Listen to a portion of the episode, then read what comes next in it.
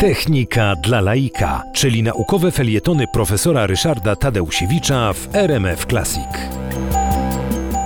W tradycyjnej tomografii komputerowej my wysyłamy do wnętrza ciała człowieka wiązkę e, promieniowania rentgenowskiego, skądinąd zresztą szkodliwego, dlatego tego badania nie należy nadużywać, bo, bo każde badanie tomograficzne to jest jednak e, no, pochłonięcie pewnej dawki promieniowania szkodliwej dla, dla człowieka.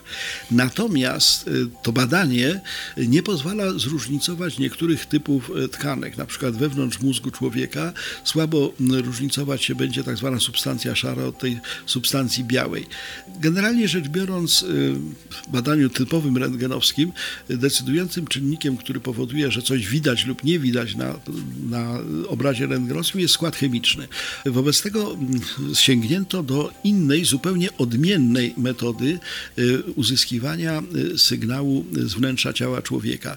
Mianowicie wykryto fakt, że istnieje zjawisko tak zwanego rezonansu magnetycznego, które polega na tym, że w odpowiednio silnym polu magnetycznym, bardzo silnym polu magnetycznym, y, setki tysięcy razy silniejszym niż pole magnetyczne ziemskie, y, jądra atomów, niektórych atomów, zwłaszcza atomów wodoru, ale także fosforu i paru innych, y, ulegają tak zwanej polaryzacji, po prostu są ustawiane. To pole magnetyczne, te jądra atomowe, a więc fragmenty molekuł wchodzących w skład ciała człowieka, odpowiednio porządkuje.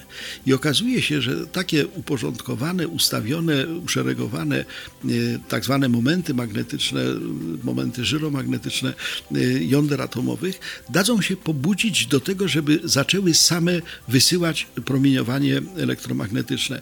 Z grubsza rzecz biorąc, polega to na tym, że odpowiednim e, impulsem o odpowiedniej częstotliwości, tak zwanej częstotliwości Larmora, pobudza się te atomy do tego, żeby one stały się jak gdyby miniaturowymi radiostacjami.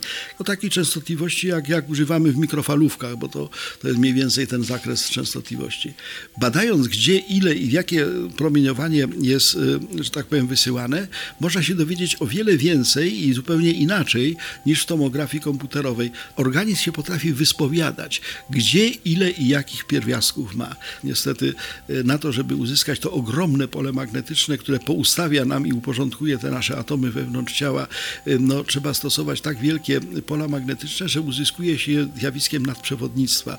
To pracuje wszystko w temperaturach bliskich zera bezwzględnego, minus 300 stopni Celsjusza. No i wobec tego ten hel, którym się to chłodzi, jest bardzo kosztowny. To badanie jest drogie. No i drugie, niestety to trwa dosyć długo. Zanim te wszystkie atomy się wyspowiadają, y, to y, troszeczkę trwa. Stąd w tomografię dostajemy zdjęcie w ciągu paru sekund magnetycznym rezonansie jądrowym przebywamy czasem pół, czasem, czasem pół godziny, czasem 45 minut, czasem godzinę. Tyle czasu potrzeba, ale za to dostajemy niezwykle ciekawe i niezwykle ważne diagnostycznie obrazy.